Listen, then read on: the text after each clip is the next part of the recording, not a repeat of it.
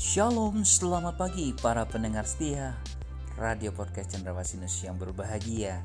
Hari ini kita akan mendengar akan renungan akan firman Tuhan. Biarlah firman Tuhan yang hidup itu akan menjadi berkat ketika Anda mendengarnya Dan rema dalam kehidupan Anda. Selamat mendengarkan firmannya. Tuhan Yesus memberkati Anda.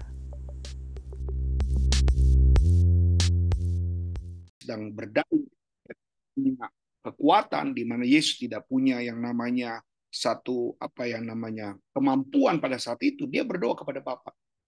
Karena saya percaya doa itu adalah satu kekuatan baru yang menyempurnakan kehidupan kita. Doa adalah kekuatan yang besar yang membuat kita sepertinya ada pendukung. Doa itu adalah pendamping saudara. Jadi kalau kita mau tetap bertahan dalam skala hal apa pun, kita mau yakin dengan apa yang kita minta, yang kita inginkan, ya tidak lepas dan tidak boleh lupa dengan berdoa. Saya percaya ketika saudara berdoa, ya izinkan Tuhan yang bekerja, saudara tidak perlu campur tangan, ikut campur tangan, serahkan kepada Tuhan, maka kalau kita angkat tangan, Tuhan akan turun tangan buat setiap masalah kita. Nah, kita mulai dari sebuah mesbah. Zaman dahulu bangsa Israel pada waktu mereka menginginkan satu permohonan, ya mereka gunakan mesbah Tuhan atau tabut perjanjian Tuhan ini sebagai permohonan mereka. Karena mesbah ini adalah lambang kehadirannya Allah, lambang kedatangannya Tuhan di tengah-tengah umat-umat yang percaya. Nah, kalau saya menemukan maaf, saya menemukan tentang uh, sesuatu yang bicara tentang mesbah Ya, di sini saya menemukan bahwa mesbah adalah sebuah tempat persembahan kurban dan mengingatkan kita pada pengalaman pertemuan di mana Allah dengan manusia di masa-masa pengembara mereka ketika mereka berada di padang gurun. Jadi di situlah mereka bisa ah, dekat dengan Tuhan, mereka berbicara dengan Tuhan, mereka ngobrol dengan Tuhan, Sehingga ini akan membuat sesuatunya itu menjadi uh, pendamping bagi mereka. Nah, memang mereka mengalami yang namanya masa-masa yang suram pada saat itu. Mereka mengalami yang namanya masa-masa ketakutan. Tapi dengan hadirnya mesbah Tuhan ini, ini sesuatu luar biasa. Ya nanti saya akan minta Pak Charles akan uh, membaca firman Tuhan bagaimana pada saat itu mesbah itu berdaulat sekali dalam kehidupan bangsa Israel sehingga orang terkagum-kagum dengan apa yang terjadi pada waktu mesbah perjanjian Tuhan itu bergerak. Dan sudah lihat sesuatu dahsyat terjadi. Apa yang dilakukan, apa yang dikerjakan, di mana mesbah Tuhan itu membuat satu perjalanan yang sangat indah. Mulai dari di rumah Obed Edom, ya nanti kita akan bahas bagaimana Obed Edom diberkati Tuhan. Padahal Obed Edom itu uh, ketimbang pulung kalau saya bilang ya, kedapat durian runtuh begitu dia nggak tahu apa-apa, di mana pada saat itu Raja Daud uh, mengalami Roma ketika membuat tabut perjanjian Tuhan itu sehingga tabut itu ditinggalkan dulu di rumah Obed Edom, eh Obed Edom mengalami berkat. Dan ketika ada patung-patung yang mendekat dengan mesbah itu, patung-patung itu semua berubah menjadi binatang, saudara. Ya dihancurkan, dileburkan. Jadi sesuatu memang luar biasa tentang mesbah ini. Nah, hari ini Tuhan mau taruh mesbah ini di rumah saudara. Tuhan mau taruh mesbah ini supaya perkenanan Tuhan pun terjadi di dalam kehidupan kita. Jadi kerap kali kita akan bicara tentang bait Allah atau mesbah perjanjian Tuhan ini menjadi sesuatu yang sangat uh, luar biasa bagi kehidupan kita dan mesbah ini adalah sesuatu yang dimulai ya dengan cara Allah yang sangat-sangat istimewa di dalam uh, kehidupan kita. Jadi tabut perjanjian Tuhan ini bicara bagaimana Tuhan membuat segala sesuatunya menjadi apa ya menjadi sesuatu yang berarti buat kehidupan saudara buat kehidupan kita semuanya sehingga kita nggak ragu lagi dengan apa yang menjadi kebanggaannya Tuhan dalam kehidupan saudara dan saya. Nah, kita akan lihat dalam keluaran pasal 25, Pak Charles bisa bantu saya di dalam kitab keluaran, kitab keluaran pasal yang ke-25, di situ mencatat banyak hal tentang tabut perjanjian Tuhan dan kita akan uh, tahu dan kita akan memahami bagaimana tabut itu mulai mencarikan sesuatu yang berarti. Nah, ayat 10 sampai 22 Pak Charles. Keluaran pasal 25 ayat 10 sampai 22. Ya. Keluaran pasal 25 ayat yang ke-10 sampai yang ke-22. Haruslah mereka membuat tabut dari kayu penaga dua setengah hasta panjangnya, satu setengah hasta lebarnya, dan satu setengah hasta tingginya. Haruslah engkau menyalutnya dengan emas murni. Dari dalam dan dari luar engkau harus menyalutnya. Dan di atasnya harus kau buat bingkai emas sekelilingnya. Haruslah engkau menuang empat gelang emas untuk tabut.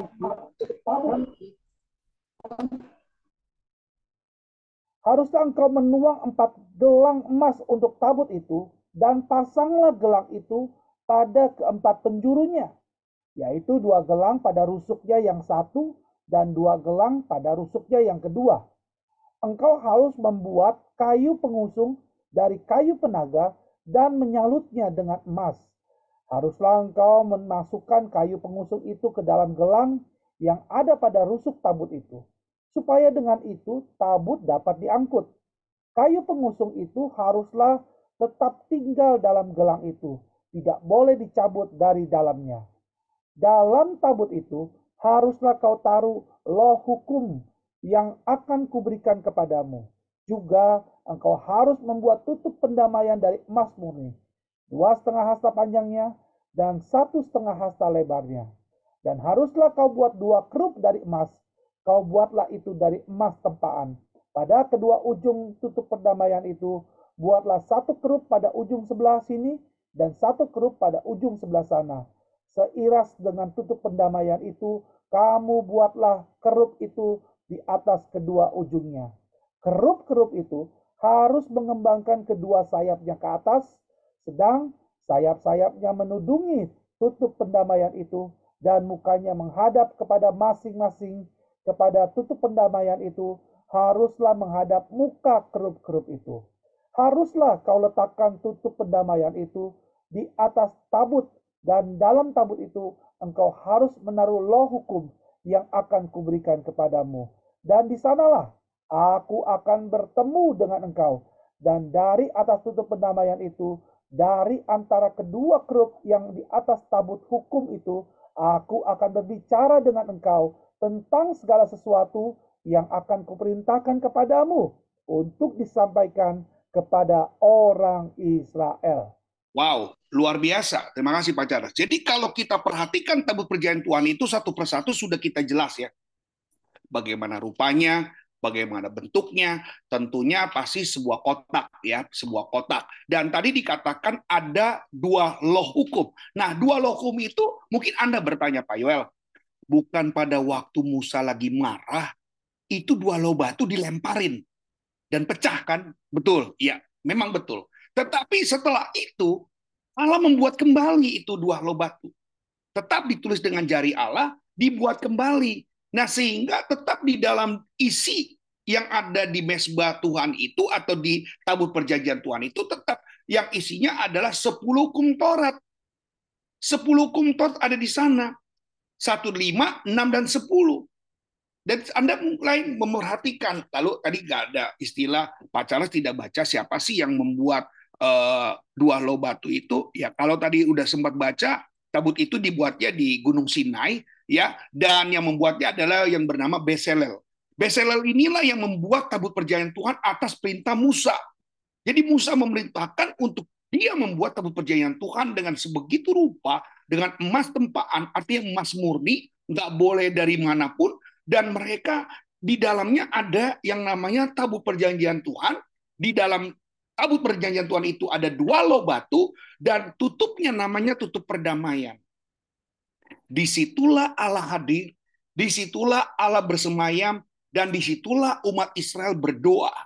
Dan mereka merasakan bagaimana betapa hebatnya kehadiran dari tabut perjanjian Tuhan itu ya tabut perjanjian Tuhan itu dirasakan betapa luar biasanya ya bagi banyak orang yang dekat dengan mereka. Yang tadi saya katakan saya sempat sebut yang namanya uh, obat Edom. Bagaimana obat Edom mengalami uh, akan tabut perjanjian Tuhan yang begitu luar biasa.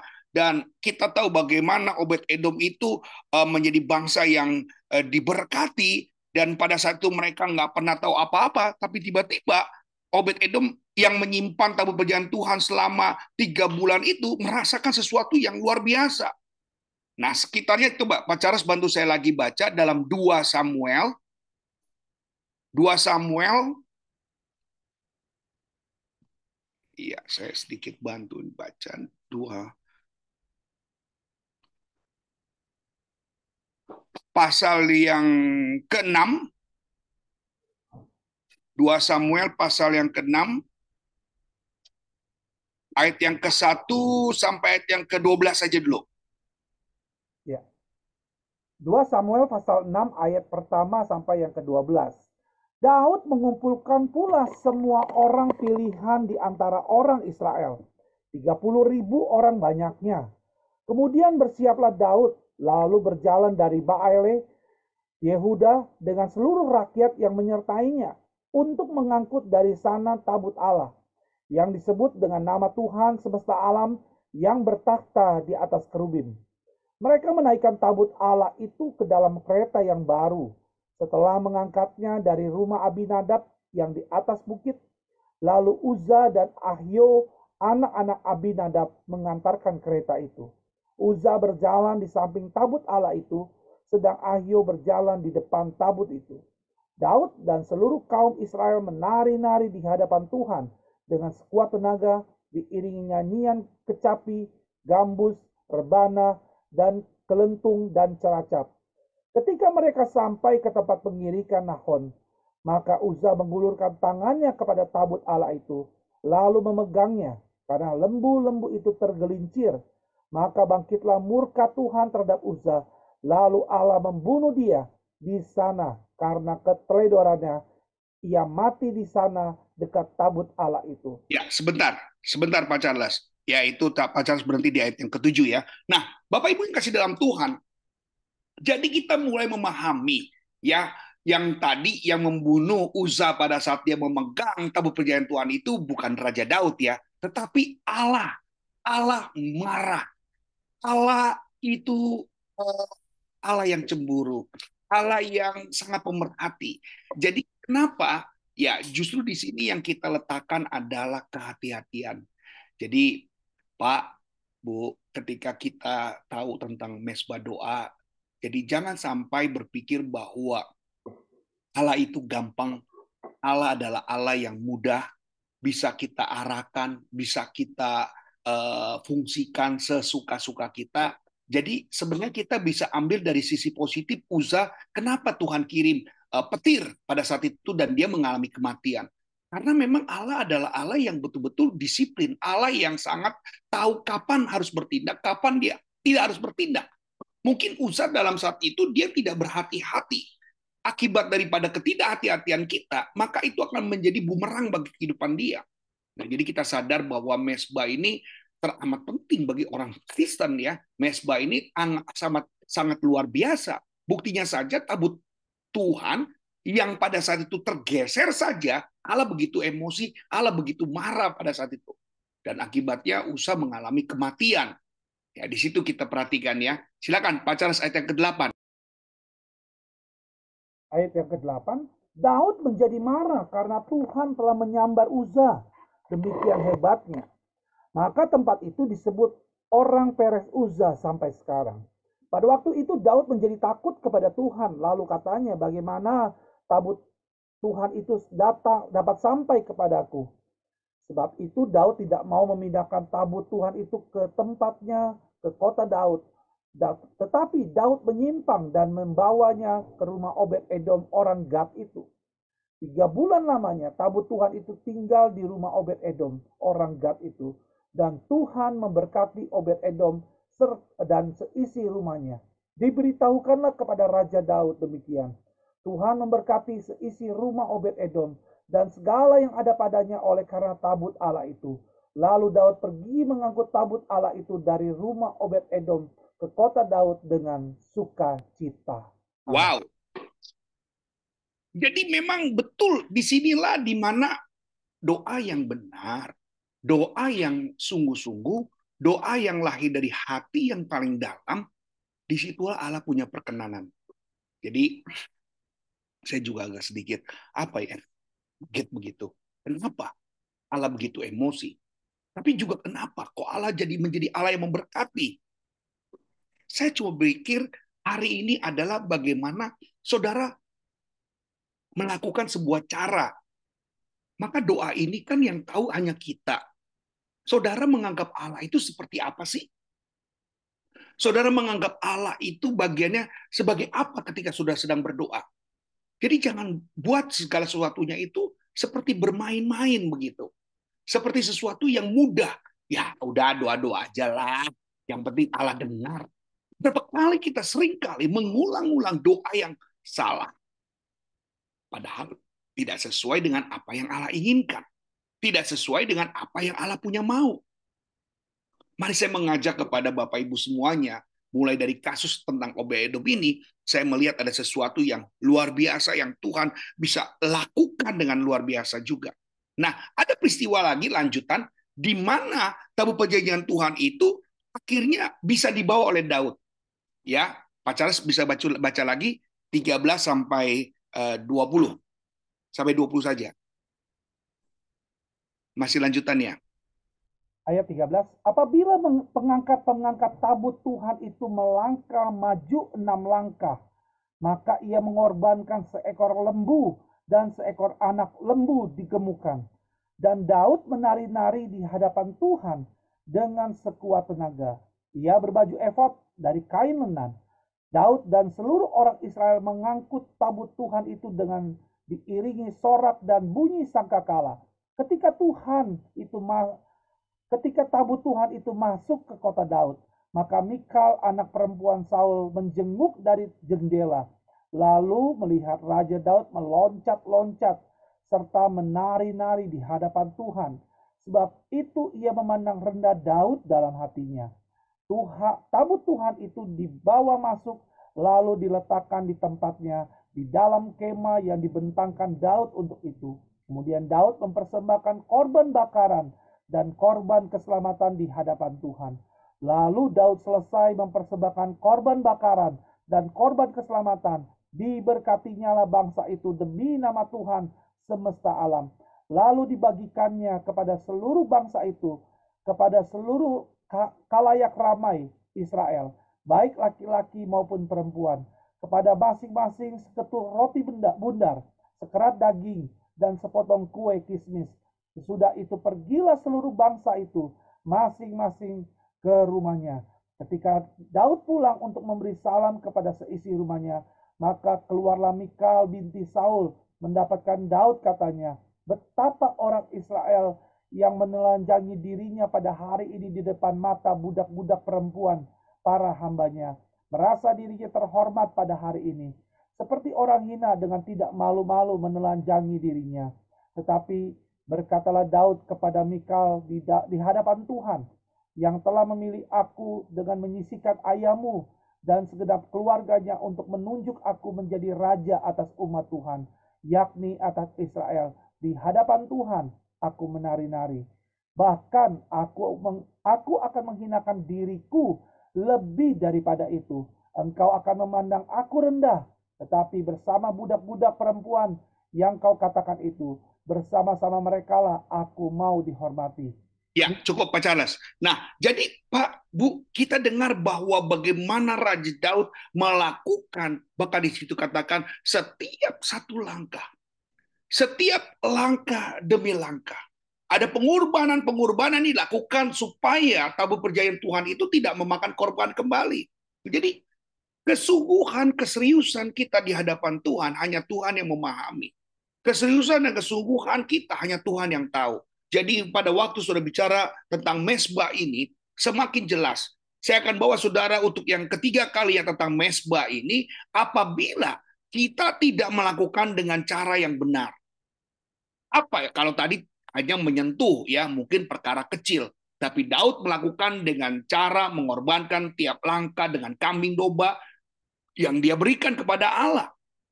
Obed Edom, Edom juga tidak melakukan apa-apa. Tapi saat saudara mau diberkati Tuhan, tapi karena Tuhan lihat hati saudara, saudara lihat apa yang dilakukan Allah terhadap Ed, uh, Obed Edom selama tiga bulan. Dan ini kesalahan patah lagi, tabut perjanjian Tuhan justru bukan dijadikan uh, sebagai pertolongan bagi mereka, tapi dijadikan jimat. Siapa yang melakukan? Adalah anak Imam Eli yang bernama Hopni dan Pinehas. Nah, Pak Charles bantu saya baca di dalam 1 Samuel pasal 4, 1 Samuel pasal 4, mulai ayat yang kedua sampai ayat yang ke-11. Ayat 2 sampai 11 saja. 1 Samuel pasal 2 1 Samuel pasal 4 ayat 2 sampai yang ke-11. Orang Filistin mengatur barisannya berhadapan dengan orang Israel. Ketika perempuan ketika pertempuran menghebat, terpukullah kalah orang Israel oleh orang Filistin yang menewaskan kira-kira 4.000 orang di di medan pertempuran itu. Ketika tentara itu kembali ke perkemahan, berkatalah para tua-tua Israel, mengapa Tuhan membuat kita terpukul kalah oleh orang Filistin pada hari ini? Marilah kita mengambil dari Silo tabut perjanjian Tuhan, supaya ia datang ke tengah-tengah kita dan melepaskan kita dari tangan musuh. Kemudian bangsa itu menyuruh orang ke Silo, lalu mereka mengangkat dari sana tabut perjanjian Tuhan semesta alam yang bersemayam di atas para keruk, kedua anak Eli, Hofni dan Pinehas ada di dekat ada di sana dekat tabut perjanjian Allah itu. Sesudah tabut perjanjian Tuhan sampai ke perkemahan, bersoraklah seluruh orang Israel dengan nyaring sehingga bumi bergetar. Dan orang Filistin yang mendengar bunyi sorak itu berkata, apakah bunyi sorak yang nyaring di perkemahan orang Ibrani itu? Ketika diketahui mereka bahwa tabut Tuhan telah sampai ke perkemahan itu, ketakutanlah orang Israel, uh, maaf, ketakutanlah orang Filistin, sebab kata mereka, Allah mereka telah datang ke perkemahan itu, dan mereka berkata, celakalah kita, sebab seperti itu belum pernah terjadi dahulu. Celakalah kita, siapakah yang menolong kita dari tangan Allah yang maha dahsyat ini? Inilah juga Allah yang telah menghajar orang-orang Mesir dengan berbagai-bagai tulah di padang gurun. Kuatkanlah hatimu dan berlakulah seperti laki-laki, hai orang Filistin, supaya kamu jangan menjadi budak orang Ibrani, seperti mereka dahulu menjadi budakmu. Berlakulah seperti laki-laki dan berperanglah. Lalu berperanglah orang Filistin sehingga orang Israel terpukul kalah. Mereka melarikan diri masing-masing ke, uh, ke kemahnya. Amatlah besar kekalahan itu. Dari pihak Israel gugur 30 ribu orang. Pasukan berjalan kaki. Lagi pula, tabut Allah dirampas dan kedua anak Eli, Hofni dan Pinehas tewas. Loh, rasanya kita baca lucu. Awalnya adalah mereka orang Israel mengambil tabut dari Silo untuk melawan orang Filistin. Tapi kenapa penyertaannya berbalik? Kenapa Tuhan justru mengatakan kalau sudah tadi pacar sudah baca bilang apa? Kuatkan hatimu, berlakulah seperti laki-laki. Bukan hai orang Israel, hai orang Filistin. Jadi kadang-kadang kita harus cermat di dalam kita memahami bagaimana kita menjadi anak-anak Tuhan. Jadi Allah nggak bisa dipungkiri bukan berarti saudara ada di dalam sebuah gereja lalu saudara tidak akan pernah merasa ada kekalahan. Saudara ada di dalam gereja, saudara akan selalu mengalami kemenangan. Saudara dalam gereja doa saudara selalu mendapat jawaban-jawaban daripada Tuhan. Kenapa? Karena tadi saya sudah boleh katakan bahwa Tuhan tidak lihat rupa, tapi Tuhan lihat hati. Nah, tujuan orang Israel pada saat itu dia jauh dengan Tuhan, mereka memiliki kesombongan, mereka memiliki hal yang jauh dengan Allah, dan hari ini tiba-tiba menggunakan Allah hanya sebagai tameng bagi mereka. Di dalam kehidupan mereka, mereka tidak memiliki ketaatan. Di dalam kehidupan mereka, tidak mereka sungguh-sungguh. Termasuk Obdi dan Pinias, anak Imam Eli ini. Jadi kita tahu hari ini bahwa mesbah itu, ya di sini mulai kita bahas ya, bicara pada sebuah kehidupan doa dan pujian dan firman. Kita bicara juga tempat korban persembahan. Kita juga bicara tentang tempat di mana Allah dan Tuhan serta manusia berjumpa. Dan yang keempat adalah bicara tentang lambang kehadiran Allah. Jadi di sini tepat kalau Bapak Ibu yang kasih dalam Tuhan, kita sudah mulai memahami bahwa mesbah adalah lambang kehadiran Tuhan dan saya harus betul-betul menyikapi mesbah ini dalam keadaan yang benar, bukan dalam keadaan yang asal-asalan. Anda sudah melihat bagaimana yang memperlakukan mesbah itu dengan asal-asalan, dampaknya seperti apa, yang bermain-main tidak sungguh-sungguh, dampaknya seperti apa. Tetapi yang menerima dengan sungguh dengan segenap hati, ada dampaknya seperti apa. Jadi kita sudah mulai memperhatikan Jangan sampai apa yang kita sudah pahami tentang sebuah mesbah dalam doa yang menjadi idola atau yang menjadi gairah dalam kehidupan saudara, ini jangan sampai menjadi sesuatu yang tidak berarti. Berapa banyak kita sering kali merasakan doa kita tidak dijawab oleh Tuhan. Berapa kali kita sering kali berdoa, doa kita terhenti. Yang sepertinya Allah tidak menggubris apa pun yang sedang kita doakan. Jadi hari ini kita sudah membuka hati tentang sebuah mesbah ini. Jadi mesbah sudah sangat jelas bicara tentang kehadiran Allah, doa juga sama. Kalau kita berdoa, Allah hadir.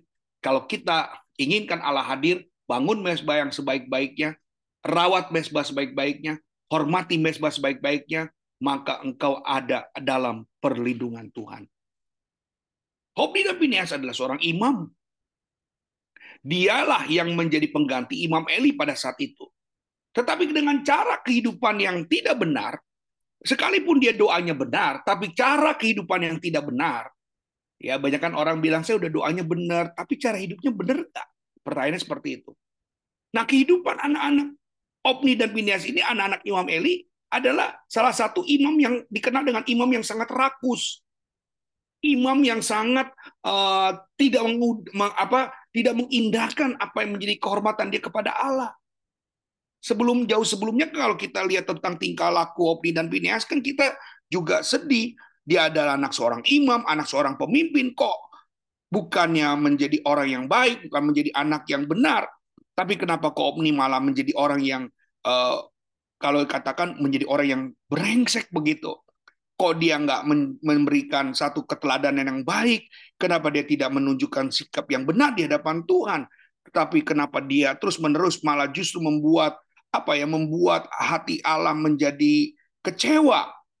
Coba satu lagi Pak Charles bantu saya. Eh, satu Samuel pasal 2, kelakuan anak Imam Eli seperti apa ya? Pasal 2 ayat 12 sampai dengan hmm, ya ayat 17 saja. 1 Samuel pasal 2 ayat 12 sampai 17. Adapun anak-anak Lelaki Eli adalah orang-orang dursila. Mereka tidak mengindahkan Tuhan ataupun batas hak para imam terhadap bangsa itu. Setiap kali seseorang mempersembahkan korban sembelihan, sementara daging itu dimasak, datanglah bujang imam membawa garpu bergigi tiga di tangannya. Dan dicucukkannya ke dalam bejana, ke dalam kuali, atau ke dalam belanga, atau ke dalam periuk Segala yang ditarik dengan garpu itu ke atas, diambil imam itu untuk dirinya sendiri. Demikian mereka memperlakukan semua orang Israel yang datang ke sana ke Silo. Bahkan sebelum lemaknya dibakar, bujang imam itu datang lalu berkata kepada orang yang mempersembahkan korban itu, berikanlah daging kepada imam untuk dipanggang, sebab ia tidak mau menerima daripadamu daging yang dimasak hanya yang mentah saja. Apabila orang itu menjawabnya, bukankah lemak itu harus dibakar dahulu, kemudian barulah ambil bagimu sesuka hatimu. Maka berkatalah ia kepada orang itu, sekarang juga harus kau berikan. Kalau tidak, aku akan mengambilnya dengan kekerasan. Dengan demikian, sangat besarlah dosa kedua orang muda itu di hadapan Tuhan. Sebab mereka memandang rendah korban untuk Tuhan. Amin. Jadi kalau kita tadi, makasih Pak Charles, kalau tadi kita baca ayat yang keempat, mungkin Anda agak sedikit bingung, kenapa kok tabut perjanjian Tuhan katanya yang dipakai selalu dibawa dalam peperangan menghasilkan kemenangan? Kenapa kok mesbah doa dipakai oleh Opi dan Pinehas kok malah membuat mereka menjadi mati? Jadi kita udah mulai dapat jawabannya ya. Jadi memang kalau kita belajar Alkitab, ini keuntungan kita, jadi kita tahu, oh pantes. Doa itu nggak bisa ditipu-tipu Nggak bisa. Memang doanya benar. Tapi yang mendoakan, yang berdoa, benarkah hidupnya? Jadi inilah yang sering kali kita bisa pahami kenapa kita jadi lebih jelas tentang sebuah doa atau sebuah uh, pelayanan doa yang dilakukan. Nah, kalau dan Pineas dalam kehidupan yang tadi baru saja Pak Charles baca dalam pasal yang kedua, ayat yang ke-11 sampai ayat yang ke-17, dan bayangkan kedegilan kehidupan mereka bikin malu. Bahkan mereka gunakan kekerasan bagi orang yang nggak mau kasih lemak kepada dia. Udah jelas-jelas lemak itu punyanya Tuhan. Daging itu punyanya imam-imam. Tapi malah kenapa ditukar? Bahkan kenapa diambil semuanya? Ini hal yang sangat-sangat keliru sekali. Jadi sampai di sini Bapak Ibu mulai memahami ya. Kenapa doanya itu nggak pernah dijawab oleh Tuhan? Kenapa doanya itu lalai dan sepertinya lama sekali? Kembali lagi pada cara kehidupan saudara. Ketika cara kehidupan kita tidak lebih jauh baik, tidak lebih jauh baik, maka kegagalan-kegagalan akan saudara jumpai. Jadi di sinilah yang menjadi letak kita bagaimana Opdi dan Pineas melakukan kecurangan-kecurangan, bahkan dia membuat mesbah Tuhan harus dicuri akhirnya. Hanya saja memang uh, memang waktu dicuri oleh orang-orang Filistin, orang-orang Filistin tidak beruntung ya. Orang-orang Filistin dibuat hancur lebur ya. Awalnya dibela ya. Awalnya kelihatannya Tuhan menyertai orang Filistin. Tapi kalau sudah lihat kelanjutannya, justru orang Filistin babak belur setelah dia mengambil tabut perjanjian Tuhan. Sedikit saja Pak Charles bantu saya lagi baca 1 Samuel pasal 5 ayat yang kedua sampai ayat yang ke-6 saja. Eh ayat yang ke-4. 2 sampai 4 saja. Oke. 1 Samuel pasal 5 ayat 2 sampai yang keempat.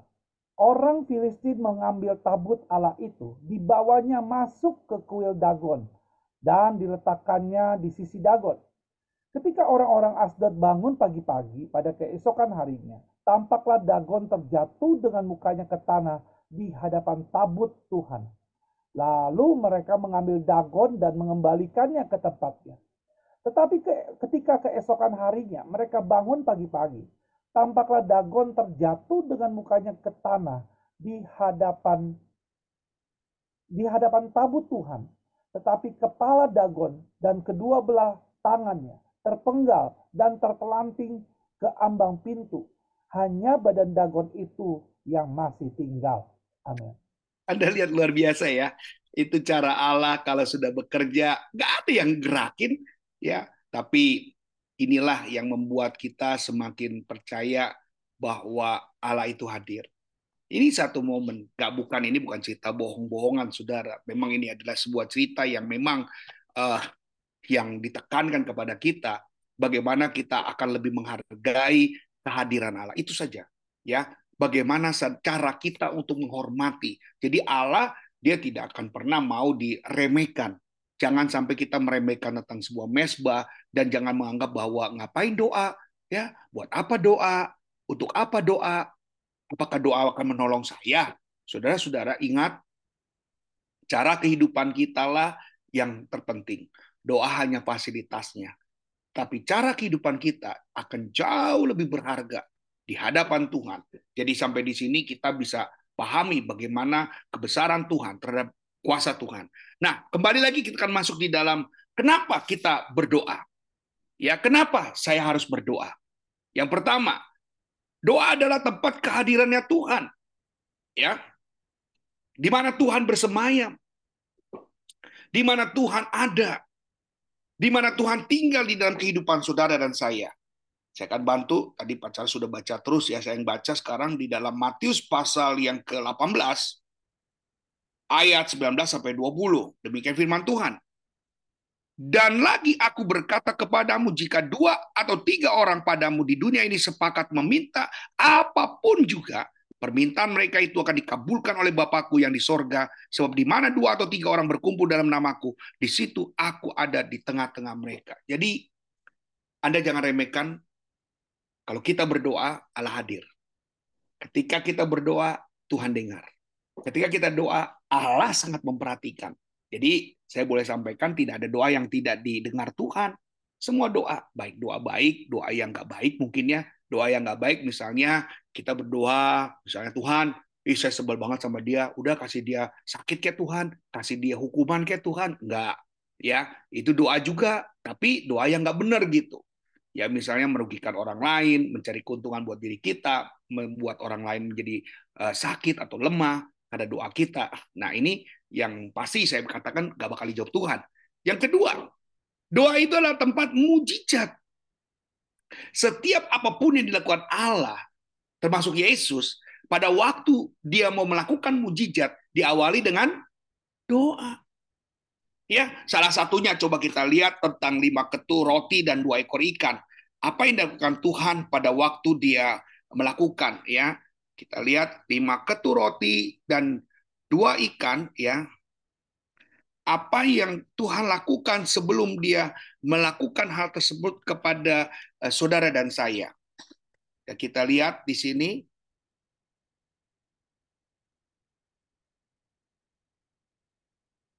Ya, Pak Charles bisa bantu saya Matius 14 Matius 14 ayat yang 19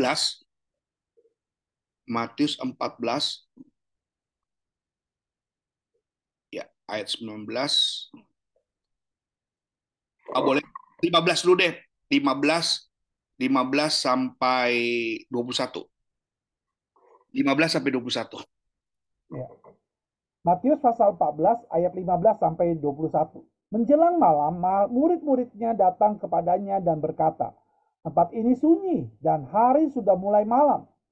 Suruhlah orang banyak itu pergi supaya mereka dapat membeli makanan di desa-desa. Tetapi Yesus berkata kepada mereka, tidak perlu mereka pergi. Kamu harus memberi mereka makan. Jawab mereka, yang ada pada kami di sini hanya lima roti dan dua ikan. Lalu berkatalah, bawalah kemari dan bawalah, uh, sorry, bawalah kemari kepadaku. Lalu disuruhnya orang banyak itu duduk di rumput dan setelah diambilnya lima roti dan dua ikan itu, Yesus menengadah ke langit dan mengucap berkat. Ya, Lalu, cukup. Jadi Yesus ngapain? Dia minta kepada Bapa. Dia berdoa. Dia mengucapkan sesuatu kepada Bapa. Sehingga mujizat terjadi. Jadi saudara-saudara, sesuatu apabila kita doakan dengan sungguh-sungguh, maka hasilnya adalah mujizat. Kalau saudara ingin mujizat Tuhan, Ya terus latih kita berdoa sama Tuhan. Imani. Karena Yesus sendiri sudah memberikan contoh. Karena Yesus sendiri sudah memberikan kepada saudara adalah sesuatu, informasi. Ini loh yang saya lakukan. Ya. Jadi Yesus selalu melakukan segala sesuatunya dengan cara-cara yang sedemikian. Ya, sama pada waktu Yesus berjumpa dengan orang gila dari Gerasa, ya dengan orang-orang yang yang mengalami kematian, ya anak muda diaim, ya mereka semua Tuhan lakukan dengan bagaimana dia berdoa. Bagaimana juga dengan seorang yang bernama Lazarus. Ya, Tuhan lakukan bagaimana Lazarus itu di apa dibangkitkan. Kita tahu bagaimana Lazarus dibangkitkan pada saat itu. Lazarus sudah mati empat hari. Tapi apa yang dilakukan oleh Yesus pada saat itu? Yesus melakukan sesuatu yang luar biasa. Dia berjalan jauh dari Betania. Dia ingin melihat apa yang terjadi dengan yang namanya Lazarus. Jadi ada sesuatu yang mungkin pada saat itu adalah sesuatu yang kebingungan dialami oleh Marta dan Maria karena yang dikunjung apa orang yang ditunggu-tunggu pada saat itu tidak hadir. Mereka merasa bahwa pada saat itu dia ingin seorang yang bernama Yesus itu hadir. Tapi sayang, Yesus tidak hadir. Coba bisa bantu saya Yohanes pasal 11, Pak Charles. Yohanes pasal 11.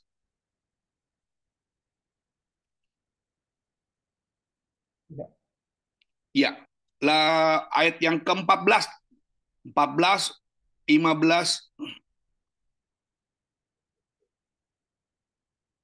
Ya. 14 15 6 14 sampai 20 deh, Pak Charles. Oke. 14 sampai 20. Yohanes pasal 11 ayat 14 sampai yang ke-20. Karena itu Yesus berkata dengan terus terang, Lazarus sudah mati. Tetapi syukurlah aku tidak hadir pada waktu itu. Sebab dengan demikian lebih baik bagimu supaya kamu dapat belajar percaya. Marilah kita pergi sekarang kepadanya. Lalu Thomas yang disebut Didimus berkata kepada teman-temannya, yaitu murid-murid yang lain, marilah kita pergi juga untuk mati bersama-sama dengan dia. Maka ketika Yesus tiba didapatinya Lazarus telah empat hari berbaring di dalam kubur. Betania terletak dekat Yerusalem, kira-kira dua mil jauhnya. Di situ banyak orang Yahudi telah datang kepada Marta dan Maria untuk menghibur mereka berhubung dengan kematian saudaranya. Ketika Marta mendengar bahwa Yesus datang, ia pergi mendapatinya, tetapi Maria tinggal di rumah. Satu Pak Charles. Maka kata, maka kata Marta kepada Yesus, uh, 41. Oh, 41. 41. Eh, 41. Maka mereka mengangkat batu itu, lalu Yesus menengadah ke atas dan berkata, Bapa, aku mengucap syukur kepadamu karena engkau telah mendengarkan aku. Ya, makasih. Jadi doa mujizatnya apa? Si Lazarus bangkit. Jadi betul-betul doa itu diyakini adalah bagian dari rencana mujizat terjadi. Jadi kalau Anda memang ingin mujizat-mujizat terjadi, jangan pernah berhenti berdoa. Kalau di sebelah kiri kanan ada saudara atau teman kita bilang, jangan pernah berhenti berdoa. Karena berdoa adalah sarana mujizat. Sarana. Sudah lihat, Yesus berdoa, mujizat terjadi. Jadi belum bangkit dulu, belum jadi 12 bakul. Yesus mengada dulu. Dia minta kekuasaan yang terbesar adalah ya Allah. Jadi kita nggak bisa pungkiri. Jadi jangan sampai bermain terhadap doa bahwa doa itu nggak ada apa-apanya. Yang berikutnya tempat pengorbanan. Ya jelas kita berdoa ada tempat pengorbanan di mana kita berdoa untuk mengakui apa yang kita akan lakukan, mengakui apa yang kita kerjakan. Jadi jelas bahwa doa itu adalah tempat pengorbanan di mana kita menyerahkan kehidupan kita sebagai Hana dia berdoa, Tuhan kalau anak ini lahir, maka anak ini akan kujadikan nazir Allah. Ya sama akhirnya Samuel ditempatkan di bait Allah atau ditinggal ke tempatnya paman Eli atau bapak Eli pada saat itu. Dan sama ya bagaimana juga pada waktu Yepta dia berdoa dia bilang kalau aku menang melawan bangsa ini maka yang pertama akan keluar akan kupersembahkan. Jadi doa itu adalah tempat pengorbanan di mana dia mau melakukan sesuatu ketika dia punya komitmen dengan Tuhan. Yang keempat, bukti kesatuan hati. Bantu saya baca lagi Pak Charles Markus 3 25.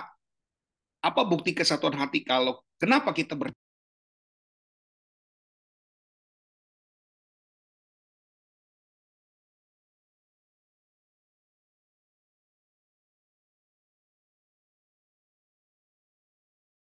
Markus 3 ayat 25.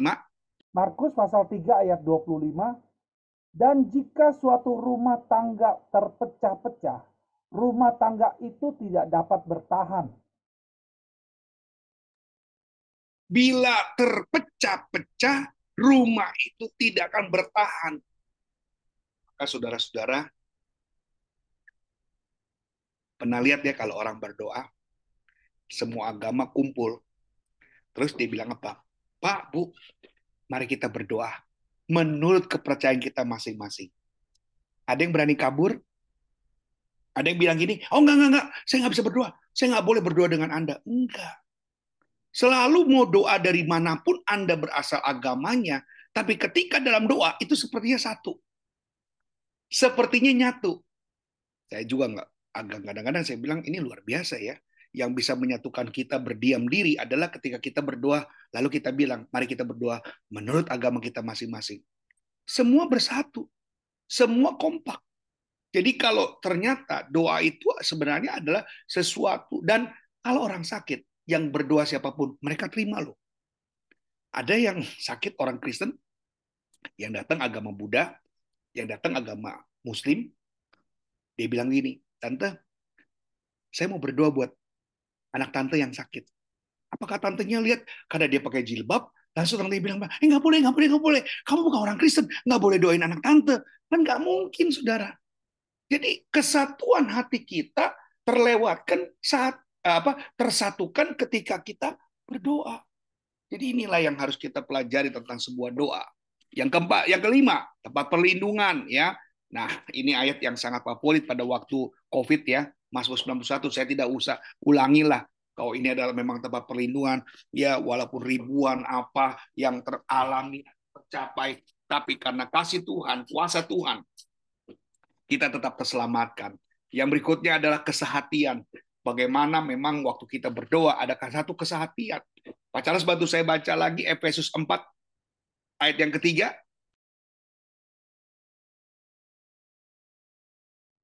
Efesus pasal 4 ayat yang ketiga. Dan berusahalah memelihara kesatuan roh oleh ikatan damai sejahtera. Amin. Harus diusahakan. Jadi jangan sampai ada masalah justru kita malah berhenti berdoa. Ada masalah kita berhenti berdoa. Kita tetap terus. Jangan sampai gini. Doa itu kan memang satu permohonan kan. Bukan sesuatu yang namanya keharusan. Permohonan. Dan permohonan itu kan bicara pada kesesuaian juga. Apakah ini memang mungkin buat kamu baik, tapi apakah ini baik untuk selama-lamanya? Yang baik itu atau yang yang tidak baik itu belum tentu kurang baik ya. Atau yang baik itu selalu mendatangkan kebaikan nanti pada akhirnya belum juga. Dia bisa saja karena dia egois, dia ingin baik yang sekarang, lalu dia bilang apa? Nggak apa-apa deh Tuhan, saya kaya aja sekarang, nanti miskin belakangan. Nggak bisa. Ataupun Tuhan, aduh, saya udah kayaknya kesel banget sama dia, udah deh, cabut aja nyawanya dia, saya bosan banget melihat dia. Bisa. Jadi kesehatian itu tetap ada. Artinya bukan hanya kepada si pendoa, tetapi si penjawab doa pun juga akan melihat apa yang Anda rindukan, apa yang Anda doakan, apa yang Anda minta, apa yang Anda inginkan. Dan yang berikutnya adalah tempat mengingat kembali kebaikan Tuhan. Biasanya ada tabut-tabut perjanjian atau ada sebuah apa ya namanya tanda tempat sebagai komitmen dia dengan Allah. Contohnya kita lihat Yakub lah. Apa yang Yakub lakukan ketika dia bertarung dengan malaikat di Penil? Ya. Apa yang dilakukan oleh Yakub ketika dia bertarung dengan malaikat di Penil ya. Kita akan lihat ya di mana Yakub bergulat. Kita lihat kejadian pasal 32 Pak Charles ayat 24 sampai 30. Kejadian pasal 32 ayat 24 sampai 30. Kejadian 32 ayat 24 sampai yang ke-30. Iya.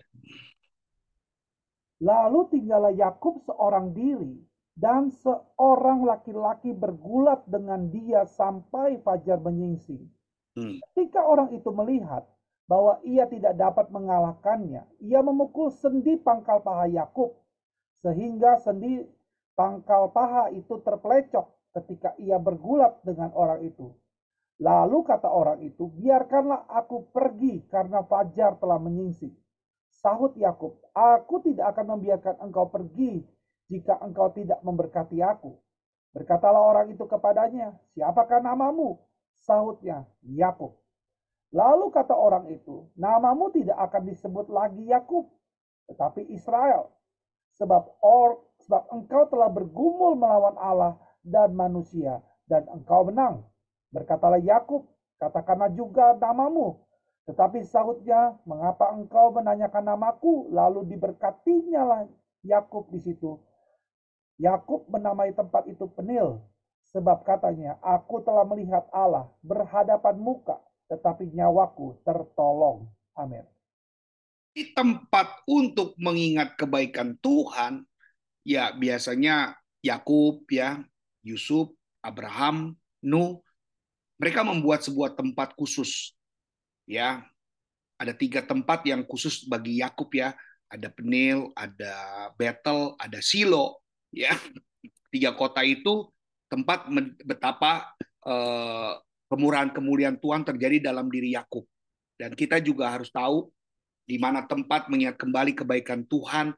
Jadi waktu kita berdoa kepada Tuhan, pada waktu kita memohon kepada Tuhan, saudara tidak boleh lupakan ya. Jadi jangan sampai kita merasa bisa dengan sendirinya saja, kita mampu karena dengan sendirinya kita, dan itulah yang sering kali manusia menjadi gagal dan salah adalah melupakan tempat kebaikan Tuhan.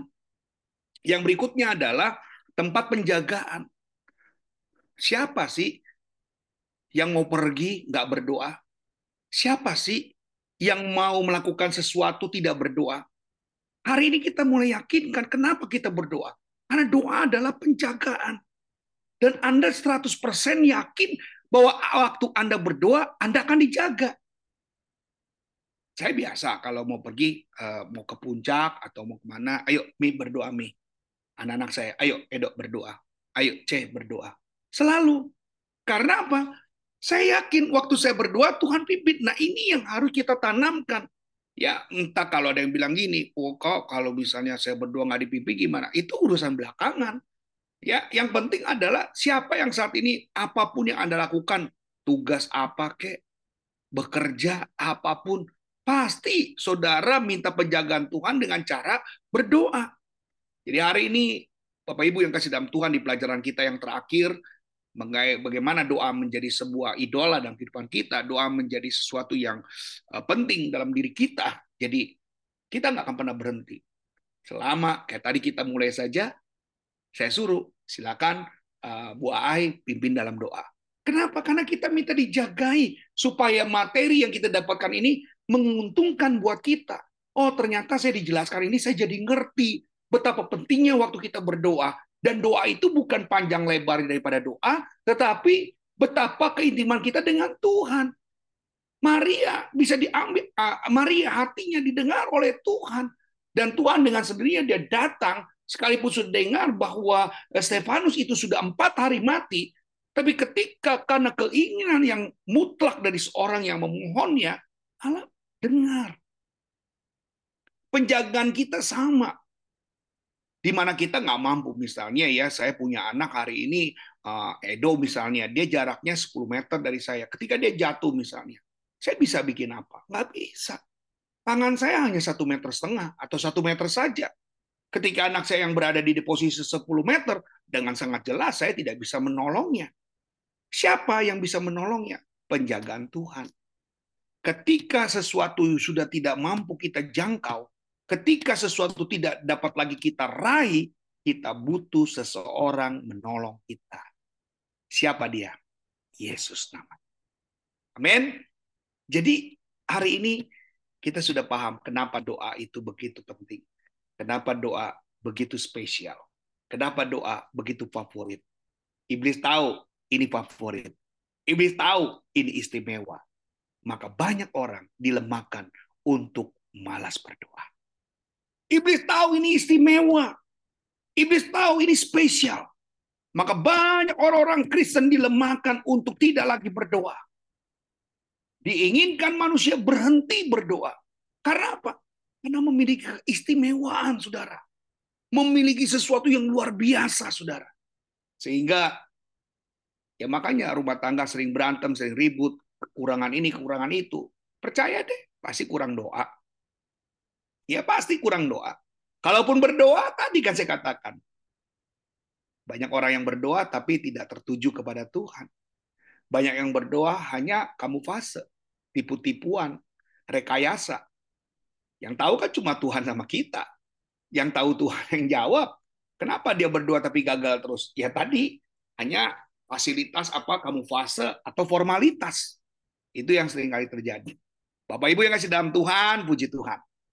Malam hari ini tepat kita sudah dengar sangat menarik pada malam hari ini dan jadi berkat buat kita pastinya supaya saudara-saudara semuanya memahami bahwa doa itu ternyata komoditas yang sangat berarti bagi orang percaya.